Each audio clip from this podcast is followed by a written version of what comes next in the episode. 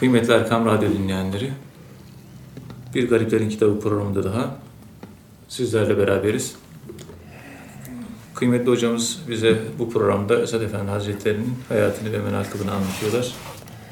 Muhterem hocam, bir önceki programımızda ölümden bahsetmiştik. Esad Efendi Hazretleri'nin ölümle alakalı kanaatlerini anlatıyordunuz. Dilerseniz e, ölümü çokça hatırlamak, sonra mutu kavle ente mutu, ölmeden önce ölmek nedir? İşte ennâsü niyam, insanlar uykudadır, ölünce uyanırlar gibi. E, Esad Efendi Hazretleri'nin bunlarla alakalı kanaatleri, bunlarla alakalı yorumları nelerdir? Bu ifadelerle alakalı. Bunları anlatabilir misiniz? Euzu billahi mineşşeytanirracim. Bismillahirrahmanirrahim. Elhamdülillahi rabbil alamin. Ve salatu ve selamu ala Resulina Muhammedin ve ala alihi ve sahbihi ecmain. Ölüm rabıtasının en büyük faydası Esad Erbil Hazretlerine göre ölümü kolaylaştırır. Evet. Şimdi ölüm rabıtası yapınca ölümle tanışıyorsunuz. Ölüm geldiği zaman tanıdık birisi geliyor yani. Ama ölüm rabıtası yapmayıp ölümle tanışmayanlar ölümü birdenbire karşılarına görünce e, afallıyorlar, boşluğa düşüyorlar, şaşırıyorlar. Eller ayaklarına dolaşıyor. Bir derviş ölmeden önce her gece zikir çekerken 5 dakika, 5 dakika süreyle sanal gerçek ölüm yaşıyor. Tefekkür mevt yapıyor. Hazır bulunuşluk oluyor. Değil mi? Yani, yani ölümle bir tanışıklık, ünsiyet, Siyet oluyor. dostluk, ahbaplık, tanışıklık meydana geliyor. Ölüm hakikaten bana geldiği zaman tanımadık birisi değil, tanıdık birisiyle karşılaşıyorum ben. Evet. Daha önce tecrübe ettiğim, defalarca tecrübe ettiğim bir olayla yeniden karşılaşıyorum. İşte hiç ölüm rabıtası yapmayan, ölümü hiç düşünmeyen insanın son nefeste ölüm karşısında afallamasının nedenini buyurun siz düşünün. Yani ölümle tanışmamış. Birdenbire görünce ne oldum diyor. Ne oldu diyor. Şaşırıyor kalıyor. Ölümmüş diyor. Canını almaya geldi. Yani Allah'a götürecek. Üzülünür mü? Allah'a götüreceğim diyor. Evet. Ama insanlar üzülüyor. Çünkü dünyayı daha çok seviyor. Allah'ı az seviyor. Burayı bırakmak istemiyor. Evet. Bütün problem burada maalesef. Dünya hayatı şey. Ölümü çokça hatırlayınız. Bu hadise uyarak yapılan ölüm rabıtasının ölüm sırasında ve öldükten sonra da kabirde, hesap yerinde çok faydası olacaktır. Esad Erbil Hazretleri böyle yorumluyor. Onun için ölüm rabıtası yaparak ölmeden önce ölmenin sırrına bir yol açılıyor. Ölmeden önce ölme. Yani daha doğrusu siz ölümü içselleştiriyorsunuz ve siz ölüm oluyorsunuz. Ezrail gelince sizi öldüreceği zaman artık siz zaten ölmüşsünüz. Ezrail'in getirdiği ölümle siz ölüm haline dönüşmüşsünüz. Ölüm bizim ölümümüz, ölmeden önce ölmemiz eksi bir. Ezrail'in getirdiği ölümle eksi bir, ikisi çarpınca eksi bir ile eksi birin çarpımı artı bir verir. Dirilik. E dirilik verir. Onun için öldükten sonra ölmeden önce ölenler yaşamaya devam ederler. Ölmeden önce ölemeyenler öldükten sonra ölürler. Onun için bu dünyada ölmeden önce ölenlerin ölümünün içinden ahirete bir hayat çıkıyor. Esad Erbil Hazretleri'nin insanın kendinde varlık duygusunu hissetmesinin doğru olmayacağı, dünyada bulundukça kendini garip bir yolcu kabul etmesi, kendini ölülerden, kendini kabir ehlinden düşünmesi gerektiği yönündeki sözleri üzerinde hassasiyetle durulması gereken hususlardandır. Yani dünyada ben zaten ölüyüm. Bittim. Bilicim ben. He. Da öldüm, ahirete gittim. Allah bana izin verdi. Git bir 3-5 sene daha yaşa. İşte onları, uzatmaları yaşıyorum. Bu duygu içerisinde olmak lazım. Geçicilik duygusu muhakkak şuurumuzun alt kompartımanlarında yeşermesi lazım. Ölümü yeşertmemiz lazım. Evet. Efendim, gafil bir kalp, bu kalbin sahibi öldüğü zaman Bu gafil kalpten meydana gelen sıkıntının ahirette çok sıkıntısı, çok e, büyük sıkıntısı olacaktır insan üzerinde. Evet. Ölüm rabıtası insanda böyle olması imkansız projeler üretiriz ya tuğlu emel deriz. Onlara engel olur. Ya o kadar uzun yaşamayacağım.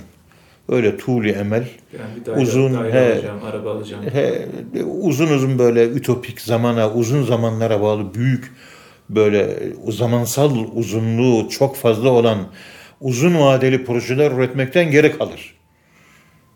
Yarın ölecekmiş gibi olan bir insan yarına göre program yapar. Günlük yaşar. Evet. Tuğlu emeli rabıta imevt yok eder. Mal ve mevki hırsı bunu da yok eder.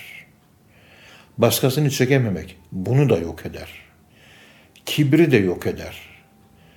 Batini hastalıkların tedavisi için, iç hastalıkların tedavi için bu ölüm gereklidir. Rabıtayı mevt. Evet. Bu, bu basit bir olay olarak anlatayım. Yani ölüm deyince insanın içinde geliştirdiği hastalıkların bir kısmını iyileştirmek kolay ve mümkün oluyor. Çocuk geldi, üniversite imtihanında çalışmış ve kazanamamış. Ağlayarak geldi, ben ne yapacağım dedi. Kendisine dedim ki oğlum git kendini Atakule'den aşağı atla ve öl, intihar et dedim. Evet. Gayet de ciddi bir şekilde bunu söyledim. Yani ona bir şok ifade ile şok ifade ile Şoklama diyor. Evet. e, fikirsel düşünce şoklaması yaparak onda hayatı kafasında canlanmasını yorsun. Şöyle bir an düşündü, ölümü düşündü. Ondan sonra nasıl olur dedi. İtiraz geldi. Yani hayatı seviyorum kelimesi geldi. evet. Demek ki imtihanı kaybetmek Hayatın sonu değil. ölüm hayatın sonu değil ve ölüm değil. Ölüm değil. Hayat denen bir değer var. Hayatta mısın şu anda? Oh ne kadar güzel yavrucuğum. Yaşamaya devam et dedim. Daha sonra düşünmüş hakikaten o egzistansiyalist filozofların Simone de Beauvoir'ın, Jean-Paul Sartre'ın, işte John Steinbeck'in, pek çok Steinbeck'in bu gibi egzistansiyel e, düşünceyi savunan filozofların ölümü kurtuluş, yani yok oluş, nihilizm, ahiret yok. Bir çare olmadı. Yine kurtuluş hayat kavramı içerisinde olduğu. Ve hayat kavramının da canlı olmanın da ölüm kavramıyla iç içe olduğunu, olmak veya ölmenin aynı şey olduğunu çocuğa anlattık. Bu ölüm onda olmak duygusunu oluşturdu.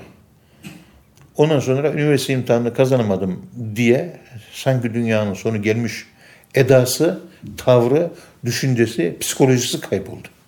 Evet. Hemen 3-5 gün içerisinde dengeye geldi. Seneye bir daha kazanırım inşallah dedi. Bir, bir, sene sonra da girdi ve kazandı.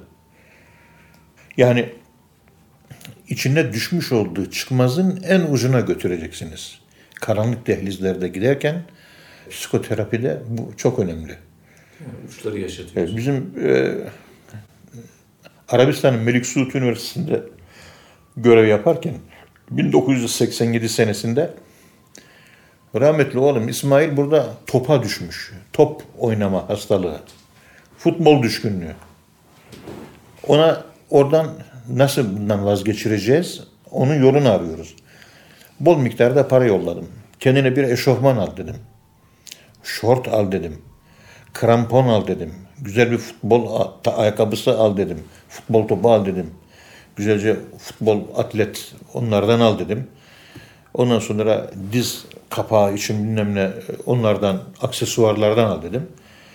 Her gün oyun oyna, sana her gün futbol oynama baban olarak izin veriyorum oğlum dedim. Tabii evdekiler bu duruma müdahale etmek istediler.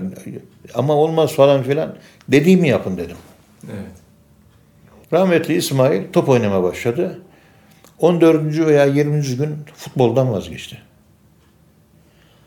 Çok istiyor oynamayı. Tamam oyna. Haftada karşın 4. 7 gün oyna ama. Yani içine girmiş olduğu kulvarın sonuna kadar götürüyorsunuz. Bir gelmiş bir tekme yemiş, ayağı incinmiş. Bir vurmuş tırnağa kalkmış. Bir düşmüş yüzü yaralanmış. Bir düşmüş kolu çıkmış. Bir gelmiş birisi kafa atmış. Bir gelmiş karnına top çarpmış. Yarım saat kıvranmış. Hevesi Lanet olsun dedi topu bıraktı. Bir daha da futbolla uğraşmadı. Evet, belki yasaklasaydınız o Evet. içinde kalacak. İşte bunlar e, önemli. Yani ha- ha- hayat bir değerdir yani. Evet. O değere anlam katan da ölümdür. Dolayısıyla biz hayatlarımızı ölümle terbiye etmediğimiz için, mezar ziyareti yapmadığım için hayatımız terbiyesiz hepimizin. Zamanlarımız, anlarımız hep boşa geçiyor. Oturuyor, sırtını, ensesini kaşıyarak karşıdaki ufuklara bakıyor, boş boş. Onu yapana kadar git Karacaahmet mezarlığına bir ziyaret yap da ölülerle haşır neşir ol. Ölümü içselleştir de ondan sonra dön o Üsküdar'daki İskele Camisi'nin önündeki o kalabalığa bir bak. Evet. O insanlara koşuşturmaya, yiyecek yiyenlere, otobüste sıra bekleyenlere, geçen arabalara, insanlara, hareketliliğe, canlılığa, uçan kuşlara, satıcılara, oradaki hayata, ağaçlara, her şeye bir bak. Evet. Daha farklı gözüküyor. Onun için her cuma günü gidip bir mezarda ölülerle bir haşır neşir olmak lazım. Mezarın içine gir çık değil de şey bir gezmek, dolaşmak lazım. Kabir taşlarını okumadan. Çünkü unutkanlık iras eder. Unutkanlık meydana getirir. Kabir taşlarını okumak. Tabi. Bizim İslami kitaplarda yazıyor. Evet. Eski Yunan filozofu Cicero öyle söylüyor. Cicero, mezar taşlarının üzerindeki yazıları okumayın, unutkanlık meydana getirir diyor. Aynı. Bu hikmettir sebebi- bu. Tabi hikmettir. Bizim Müslümanlarda da vardır bu. Kabir taşı okumayın. Ya. Çok ama ibretlik belki bazı güzel kelimeler, cümleler vesaire böyle var. Artık o kadarını bilmiyorum. Evet. O kadarını bilmiyorum. Ama şöyle kabristanda yani zamanın ve mekanın bittiği yerde dolaşmak. Kabirde dolaşmanın manası bu. Ölümü içselleştirmek. Fezuruha artık kabirleri küntü neheytukum an ziyaretul kubur. Sizi kabir ziyaretinden men etmiştim. Ela ancak. Fezuru, fezuruha. Kabirleri ziyaret edin.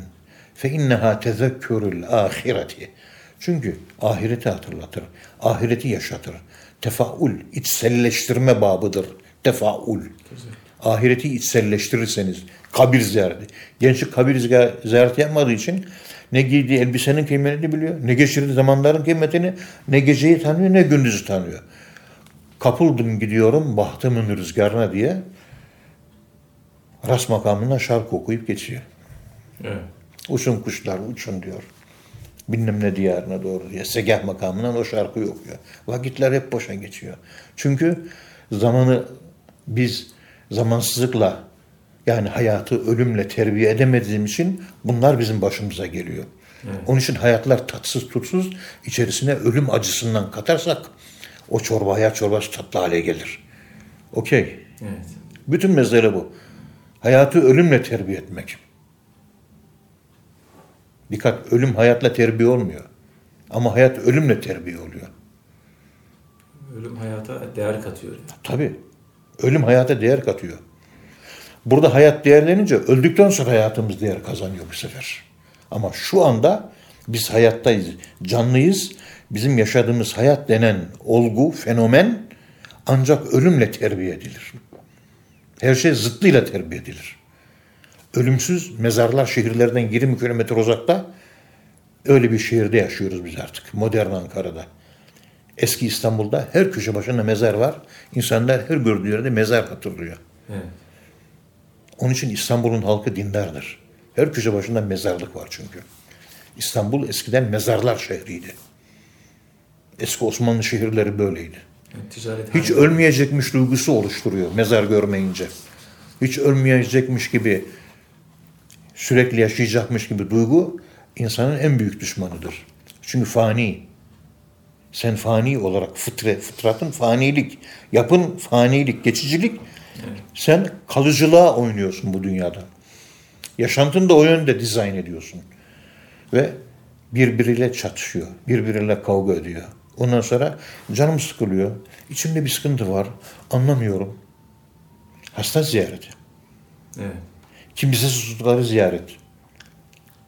Mehmet Ateş Bey vardı, kıymetli arkadaşım. Ya hocam dedi canım çok sıkılıyor dedi üç günden beri. Ankara Hastanesi'ni açtım. Alo Hakan'cığım sizin bölümde hiç ziyaretsiz gelmeyen bir hasta var mı? Var hocam dedi. Ya yanımda bir arkadaş var. İşte bir kilo pasta alacak, bir de çiçek alacak. O hastayı ziyaret edecek. İki saat, bir saat sohbet edecek onunla. Evet. Hadi Mehmet Ateş, git kardeşim. Mehmet Ateş bir kilo pasta aldı, iki tane de gül aldı. O ihtiyar amcanın yanına gitti. Amca kucaklayarak karşıladı Mehmet'e. Bir buçuk saat dertleştiler. Hiç yüzsüz gelmiyormuş. Mehmet onunla konuştu, konuştu bir buçuk saat. Ondan sonra okula yanıma geldi. Hocam ya hiçbir derdim kalmadı dedi. Hastayı ziyaret edince hayata anlam kazandı. Evet. Bir cenaze namazına katılıp ölünün kabirin içerisine girişini seyredecek, ölünün kefeniyle kabirin içerisine konuluşunu gözüyle görecek. Hatta kabire gelecek, kendi ölüyü kabire koyacak. Bunlar yaşayacak sıcak sıcak, ölünün ayağına dokunacak. Evet. Ondan sonra kabirden çık gel, sırtından insanın bir yük atılmış gibi oluyor. Hiç bunlar gençler yaşamıyor. Hep yaşıyormuş gibi yaşıyor insanlar maalesef. Mezar ziyaretine ölülerin değil dirilerin ihtiyacı. Dirilerin ihtiyacı var. İşte e, rabıtayı mevt dediğimiz olay kendi kendimizin ölümü. Yani oto det. Oto, kendinin ölümü. Sen ölüyorsun. Kendini kendin öldürüyorsun. Kendi cenazeni, yıkanışını görüyorsun. Bir film sahnesi gibi seni sağa sola çeviriyorlar, suyunu döküyorlar, alt e, kefeni üst kefene bağlıyorlar. O büyük şeye kefeni bağladıktan sonra tabuta koyuyorlar. Evet. Götürüyorlar camiye namazın kılınıyor. Seni mezara sallıyorlar. Hoca geliyor telkin veriyor. Onlar gidiyor karanlık basıyor. Münker nekir melekleri geliyor. Rabbin kim? Peygamberin kim? Dinin ne? Kitabın ne? Bunları virtual reality death, sanal gerçek ölüm olarak yaşıyorsun. Evet. Her gün yaşıyorsun. Her gün ölüyorsun. Zikir bittikten sonra des gece bakıyorsun. La ben hayattayım be kardeşim diyorsun. Hayattayım mı fark ediyorsun. İnsanlar hayatta olduğunu farkında değil. Evet. Ve hayatlar boşuna, yel değirmeni gibi fos, sıfır, yeller altında, Don Quixote'un saldırdığı gibi boşu boşuna bir dönüşle dönüyor. Boşu boşuna yaşanışla yaşanıyor. Su boşa akıyor. Önüne bir ölüm barajı yapılırsa o biriken sudan çok ziraat yapılır. Çok meyveler elde edilir. Ve hayatta da ondan istifade eder. Yeriz ve diriliriz. Anlayana. Evet. Efendim Hocam ticarethaneleri de o mezarlıklara ko- koyu mezarlıkların önüne yapıyorlarmış ya. Efendimiz Aleyhisselatü Vesselam zamanında. Ha, peygamberimiz zaman tabii ilk Evet. Medine'ye geldiği zaman mescidi yapıyor peygamberimiz. Yapınca alışverişi nerede yaparsınız? Medineliler diyorlar ki ya Resulallah bizim iki tane alışverişimiz var. Birisi Yahudilerin pazarı, öbürü müşriklerin pazarı. Evet. Peygamberin müşriklerin pazarında alışveriş yaparsanız onların kurallarına uyarsınız. Yani haram alışveriş olur. Yahudilerin pazarlarında Yahudilerin kurallarına uyarsınız. Yine faiz bilmem ne vesaire neyse artık. Yani yanlış alışveriş yaparsınız. Biz kendi pazarımızı kuralım. Kuralım. Yarın beni Medine'ye gezdirin size bir pazar yeri bulayım ben diyor peygamberimiz. Evet. Olur diyorlar. Ertesi gün peygamberimizi Medine'ye gezdiriyorlar. Peygamberimiz eski bir müşrik mezarlığının önüne burada pazarımız kurulacak diyor. Evet. Böyle söyleyince sahabe-i kiram şaşırıyor. Yani şura mezarlık, yani zaman ve mekanın bittiği yer ve hareketsizlik ve sükun burada hareket ve zaman ve mekan, alışveriş, canlı bir hayat, ölüm ve canlılık yan yana. Nedir bu ya Resulallah? Peygamberimiz demek istiyordu ki, teraziyi tartarken ibre oynuyor, arka planda mezar taşlarını, hece taşlarını görürseniz sizi ahirete hatırlatır. Evet. Tarttığınız terazinin ibresi doğru tartar diyor. Şimdi mezarları dışarı attık. insanların ölçüleri kayboldu. Ölümü şehrin dışına attık. Ölümü hatırlatmayan şeylerle yaşıyoruz. Ölümü hatırlatanları dışarı attık. Evet. Onun için tera- hayat terazilerimizin her yerde şaştığını ve ibrenin oturmadığını görüyoruz. Onun için teraziler bozuldu. Çünkü biz hayat pazarımızı mezarın önünde inşa, inşa etmiyoruz. Bizim eski Ankara evimiz 650 yıllık ev. Evimizin bahçesinde dedelerimizden kalma 9 tane mezar var. Bahçe bahçe, evin bahçesinde. Girerken dedelerimizi görüyoruz, çıkarken dedelerimizi görüyoruz. Ruhlarına bir Fatiha okuyoruz. Evden çıkarken ölümü hatırlıyoruz, girerken ölümü hatırlıyoruz. 650 yılda kaç tane dedemiz geldiyse hep orada yatıyor. O zaman hayata insan biraz daha farklı bir gözle bakıyor. İşte hayatın ölümle terbiye edilmesi. Hayat bir çorba, ölüm denen ekşiye, ölüm denen acıya ihtiyaç var. Onunla tatlansın. İnsanların çekmiş olduğu ruhi sıkıntıların çoğunun altında bu anlattığım keyfiyetin negatif tezahürleri var. Ölümden kaçış yani. Evet. Ya Muhterem hocam Ezad Efendi Hazretleri'nin oğlu Mehmet Ali Efendi Mevlevi ayini icrası. Yani demek ki tekkede Mevlevi ayini de yaptırıyor Mehmet Ali Efendi. yok tekke değil, başka bir tekke. Başka bir başka bir tekkede, Mevlevi tekkesinde. Evet. Bununla alakalı bir anekdot var. Bundan bahsedebilir misiniz? Evet. Euzubillahimineşşeytanirracim. Bismillahirrahmanirrahim. Elhamdülillahi Rabbil alemin. Ve salatu ve selamu ala Resulina Muhammedin ve ala alihi ve sahbihi ecmain. Efendim, tasavvuf tarihinde bazı Nakşi tekkelerinin, Nakşi şeyhlerinin Mevlevi'yle, Mevlana'ya, Mesnevi'ye böyle özel ilgi duyduğunu e, biliyoruz. Var tasavvuf tarihinde. Bu bilinen bir husus. Esad Efendi Hazretleri de divanda yani Mesnevi'den Evet, evet, evet. bazı şiirlere e, tahmisler yapıyor. Evet. İstanbul'daki Mevlevi şeyhlerinden birisinin işi çıkar. O sırada. Evet. İzinli olarak tekkeden ayrılması gerekir. Ama zikir töreni Mevlevi ayini de icra edilmesi gerekmektedir. Kime yaptıralım? Şeyh Efendi Esad Efendi'ye başvurur. Ve Esad Efendi Hazretleri olur diye kabul eder. Ve o tekkeye Yeni Kapı Mevlevi Hanesi olabilir bu. Evet. Orada şimdi Fatih Sultan Mehmet İlahiyat Fakültesi orada. Yine Kapı Mevlevihanesi'nde. Evet. Benim bilebildiğim kadarıyla. Oraya Mehmet Ali Erbili Hazretleri oğlu gider ve o günkü Mevlevi ayinini, zikir ayinini, töreni idare eder baştan sona. Evet. O günkü zikir töreninde ve ayinde bulunanlar, Mevleviler derler ki, bugüne kadar böylesine feyizli bir meclise, böylesine feyizli bir ayine katılmamıştık derler. Evet. Peygamber neslidir Ali Efendi Hazreti, feyzi ceddindendir onun yücedir nispeti. Bismillahi. Evet. gelen o manevi feyz Eser Hazretleri anne tarafından da seyyid, baba tarafından da seyyid. O nispet kişinin manevi tekamülüne şüphesiz ki büyük faydası dokunar ve istifadelerde vesile olur. Mehmet Ali Efendi'nin hocam tabi e, şehiden vefat ediyor. Allah şefaatlerini ayrı eylesin. Kısa bir hayatından böyle bahsedebilir misiniz? Evet.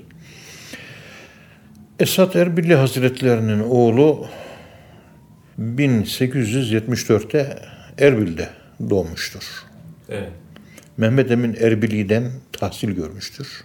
Bu Mehmet Emin el-Kürdi Erbilli Evet. Ezher-i Şerif'te Mısır'da rektörlük gibi bir makamda bulunmuştur. Alimdir. Evet. Tenvirül Kulüp adlı eseri var. Bu eser doğuda medreselerde de okutuluyor. Tenvirül Kulüp. Türkçe'ye tercüme edildi. İki cilt halinde. Mehmet Emin Alkürdi. Evet Mehmet Emin el-Kürdi. Evet. Bu, de, bu zattan ders almıştır Mehmet Ali Efendi Hazretleri. Bu Mehmet Emin Ali Kürdi Hazretleri'nde yaklaşık en az 7-8 tane de eseri var hatırımda kaldığına göre. Evet. Alim bizzat Mısır'da yaşamış. Sanırım mezarda Mısır'da olması lazım. Bu ilk tahsilini aldıktan sonra Esad Erbil Hazretleri'nin oğlu Mehmet Ali Efendi İstanbul'a göç eder. Tahsiline Hafız Şakir Efendi'den devam eder. İcazetini o zattan alır. Babası Muhammed Esad Erbil Hazretlerine intisap eder ve Kelami dergahında uzun yıllar hizmet eder. Evet. Babası kendisine tevcih olunan verilen Üsküdar'daki Selimiye dergahına oğlu Mehmet Ali Efendi'yi görevlendirir. Mehmet Ali Efendi ayrıca Tetkikat ve Telifat-ı İslamiye Heyeti ikinci reisini yapar. Yani İslami konularda çıkan eserlerin tetkiki, telifi, incelenmesi bir heyet kurulmuştur. Onun ikinci başkanlığını yapmıştır. 1910'da Sürre-i Humayun Mekke'ye, Kabe'ye hacca gitmiştir. O giden e, kafilede kadılık yapmıştır. 1915 senesinde Haseki'deki Bayrampaşa, diğer isimleriyle Basamağı Şerif ve Baba Efendi dergahları post nişini olur. Evet. 1931'de babasıyla beraber Menemen olayıyla ilgisi olduğu gerekçesiyle uyduruk bir mahkeme kararıyla haksız yere idam edilerek şehadet şerbetini içmiştir. Asılırken son sözün nedir diye soru sordular. Bir tek kelimeyle cevap verdi. La ilahe illallah. Ve altındaki sandalyeyi çektiler. Son sözü bu oldu. La ilahe illallah. Ve öldü. Allah rahmet eylesin. Allah rahmet eylesin. O ve masum diğer 29 kadar arkadaşının ruhları için bir Fatiha, üç İhlas okuyalım. Allahümme salli ala seyyidina Muhammed. Hepsinin ruhları şimdi cennete alada. Canlarını satmışlardı Cenab-ı Allah'a. Bismillahi. Elhamdülillahi Rabbil alemin. Errahmanirrahim. Sıratel lezine amin.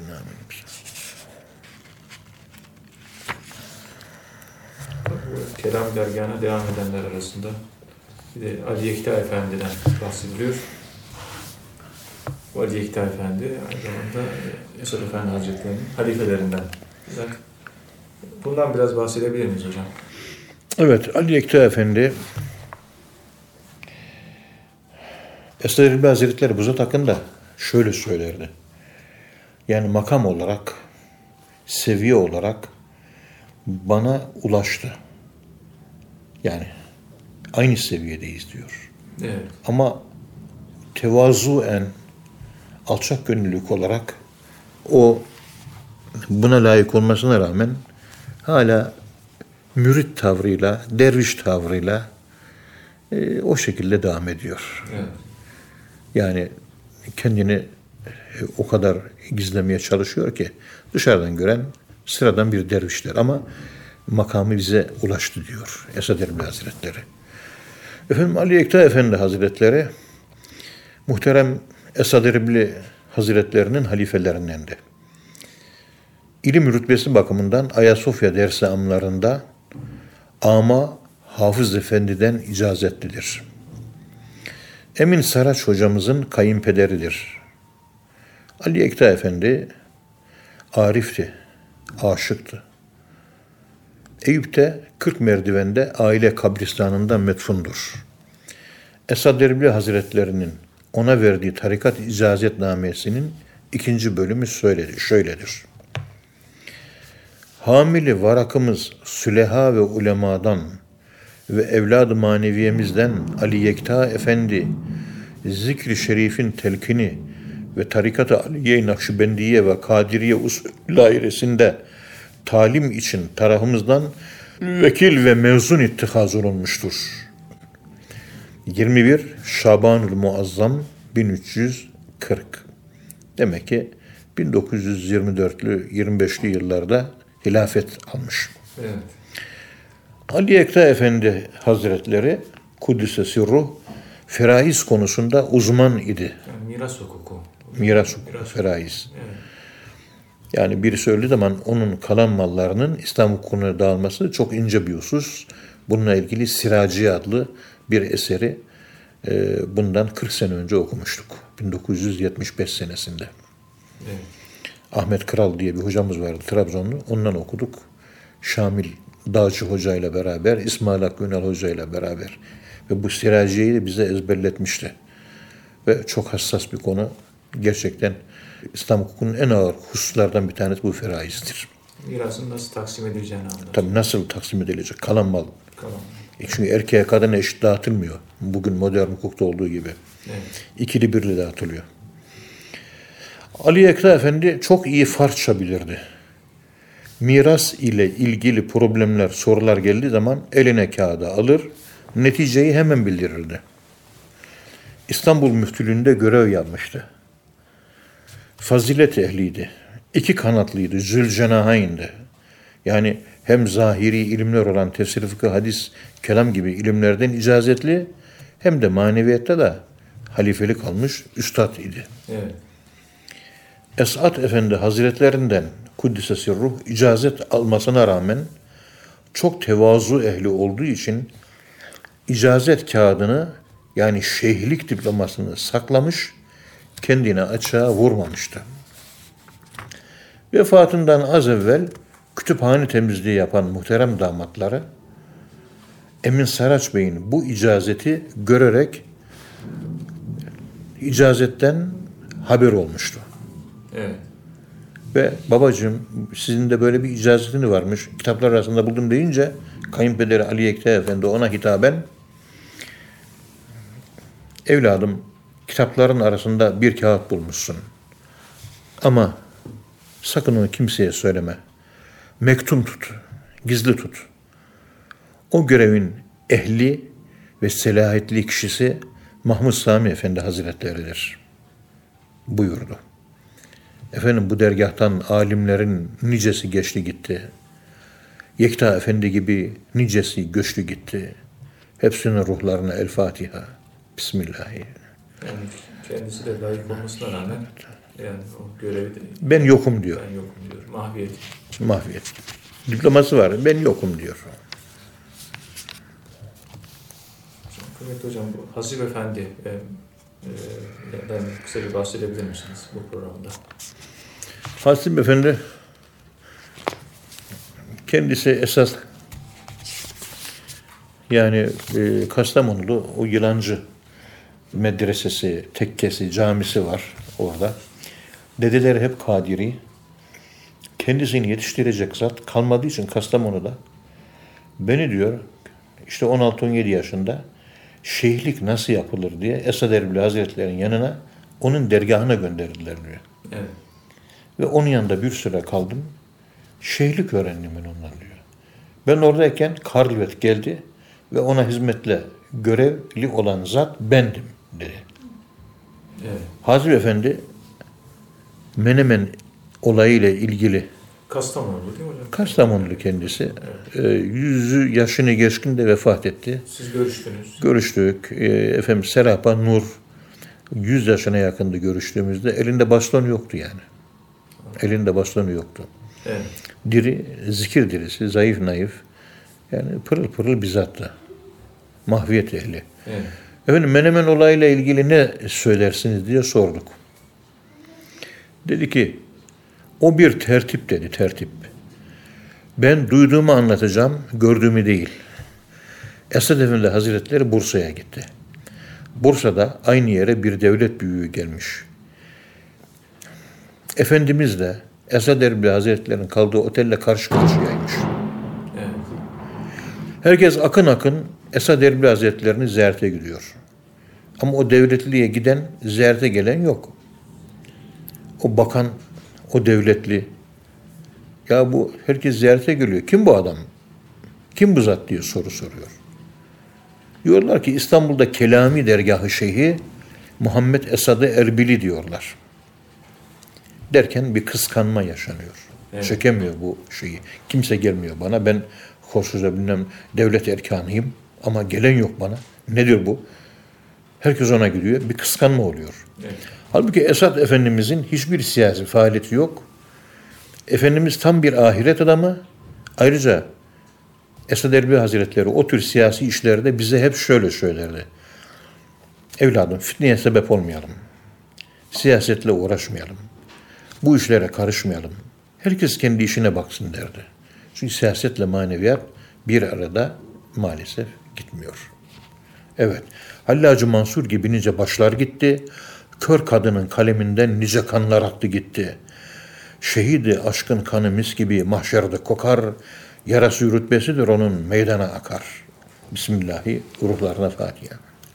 Muhterem dinleyenler, kıymetli hocamıza teşekkür ediyoruz. Bir sonraki programda tekrar buluşmak ümidiyle hepinizi Allah'a emanet ediyoruz. Hoşçakalın efendim.